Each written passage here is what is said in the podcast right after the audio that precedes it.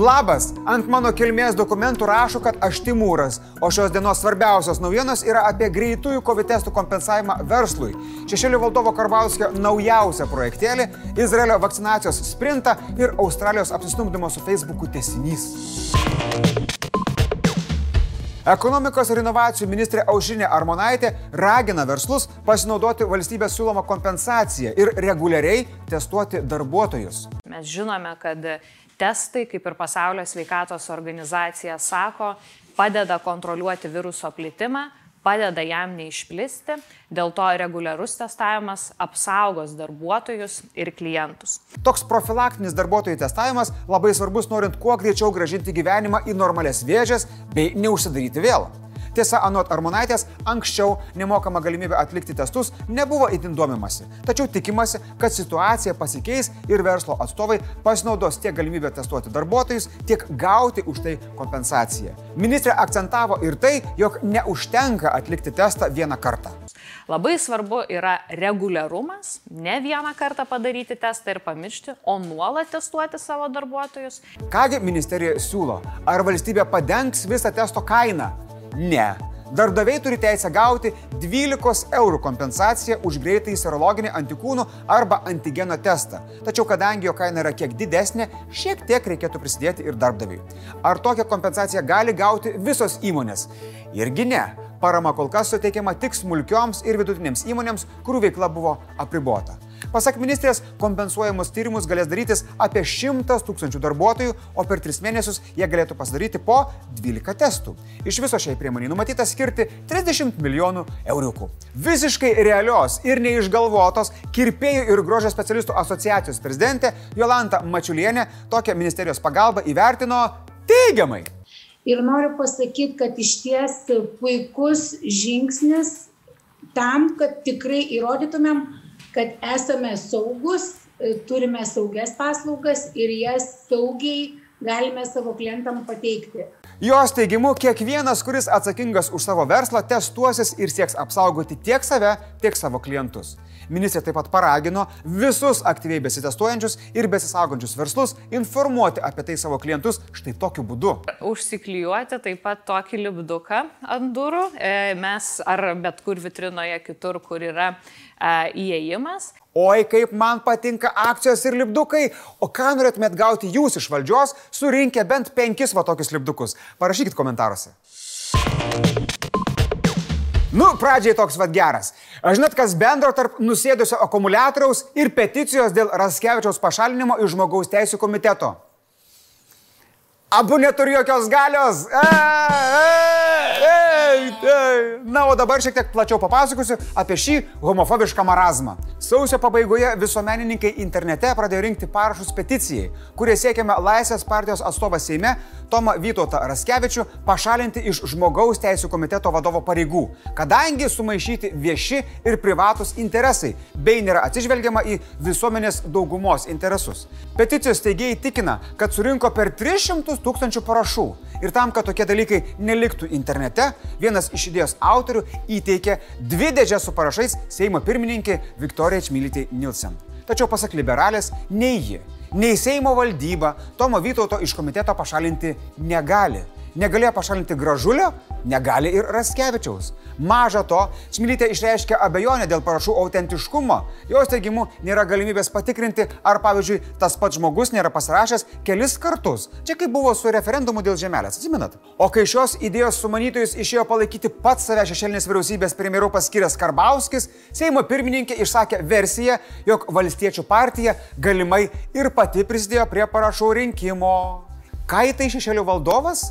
Jo teigimu, niekas nebando išversti Raskevičiaus iš posto dėl jo seksualinės orientacijos. Kaltos jo vertybės, kurios, leiskit atspėsiu, susijusios su jo seksualinė orientacija. Dar Ramūnas sako, jog jeigu parašus pradėtų rinkti šiandien, tai jų surinktų dar daugiau. O kas dėl tų 300 tūkstančių keverzonių, kurių autentiškumo patvirtinti nėra galimybės, jis tvirtina, kad tiek parašų suklastoti yra net neįmanoma. Na, žinai, ramūnai, kokių skaičių tikrai neįmanoma suklastoti. Nuo koronaviruso mirusių žmonių, kurie galėjo būti gyvi, jei vasara būtų buvusi skirta pasiruošimui antrai bangai ir jei karantiną būtume sugriežtinę iki atėjus konservatoriams. Bet tai ne. Geriau pasiekime apie smėlį Vilniaus centre, kaip blogai, kaip negražu. Ve. Na, o peticijos autoriams teks susitaikyti, kad gyvename demokratijoje. Mane, žinokit, gražulis irgi neatstovauja. Ir ką? Nugyvas. Kenčiu, bet gyvas. Izraelis įgyvendino rekordiškai greitą vakcinacijos kampaniją. 9 milijonus gyventojų turinčioje šalyje pirmą vakcinos dozę jau paskiepyta 45 procentai žmonių, o abi dozes gavo beveik 3 milijonai. Toks spartus skiepimas jau duoda rezultatų. Maždaug 35 procentais nukrito atvejų skaičius, trečdaliu sumažėjo hospitalizacijų ir 20 procentų sumažėjo kritiškai sergančiųjų skaičius. Jiems pavyko šį projektą įgyveninti, nepritrūkstant vakcinų, nes už greitą skiepų tiekimą Pfizer kompanijai šalis pažadėjo duoti susirgymų ir pasveikimų duomenis. Maždaug 1,2 milijono žmonių buvo suskirstyti į dvi vienodo dydžio paskiepytų ir neskiepytų grupės. Kiekvienas paskiepytas dalyvis buvo lyginamas su tos pačios lyties, panašaus amžiaus ir panašių kitų požymių turinčių kontrolinių asmenių. Pavyzdžiui, mano atveju ieškotų labai gražaus, labai protingo vyruko su tokia nuostabia barzda, su fantastišku balsu ir turbūt iki pat dabar ieškotų, nes nukurtų tokį rasi. Stebint beveik 600 tūkstančių paskiepytų ir tų, kurie skiepų negavo, buvo patvirtintas 94 procentų vakcinos efektyvumas. Ir žinoma patvirtintas faktas, kad masinis skiepimas yra geriausias ginklas prieš pandemiją. Vien gavus pirmą dozę, tikimybė mirti nuo COVID-19 sumažėja net 72 procentais. Ir kas galėjo pagalvoti, kad skiepai padės? Tyrimo ir vakcinacijos sėkmę Izraelė lėmė trys esminiai faktoriai. Pirmas - saliginai nedidelė šalies populiacija. Antras - susitarimas su Pfizer pasidalinti duomenimis. Na ir trečias - artėjantis rinkimai kovo mėnesį. Super turbo greičio vakcinavimas yra nebejotinai politinis. Jau dabar kai kurie žmonės sako, kad premjeras Netanjahu išgelbėjo juos nuo koronaviruso. Bet kuriuo atveju tai labai geros žinios kitoms šalims, nes jos paremtos realaus pasaulio didelio masto testu. O jūs, ar sutiktumėte skiepytis va dabar iš karto, jei reikėtų pasidalinti savo simptomais ar kitą lygos informaciją? Sustabdykite video ir parašykite man komentaruose.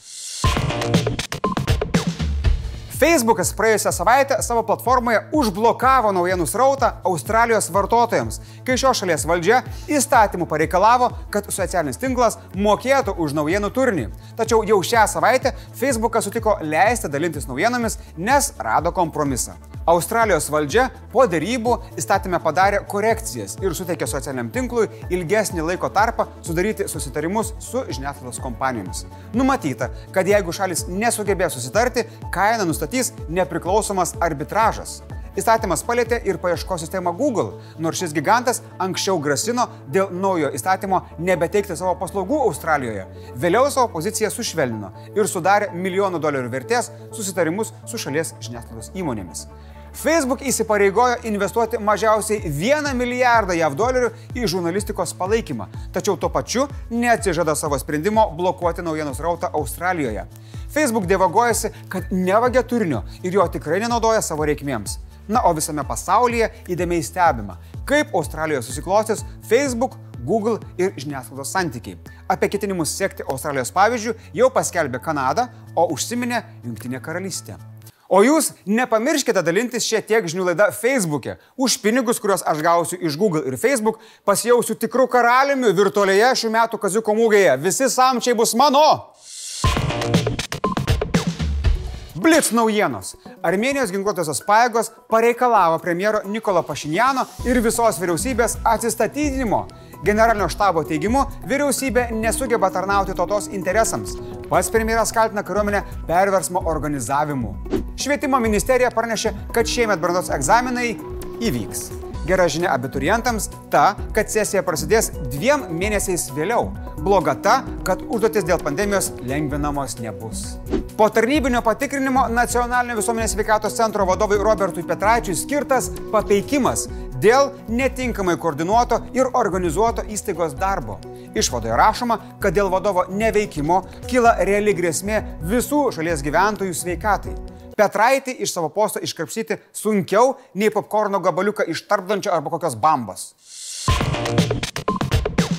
Jeigu dar nespėjote nueiti pas barberį, tai neskubėkite. Gali būti, kad jūsų tikrasis barberis dabar jūsų laukia prieglaudoje.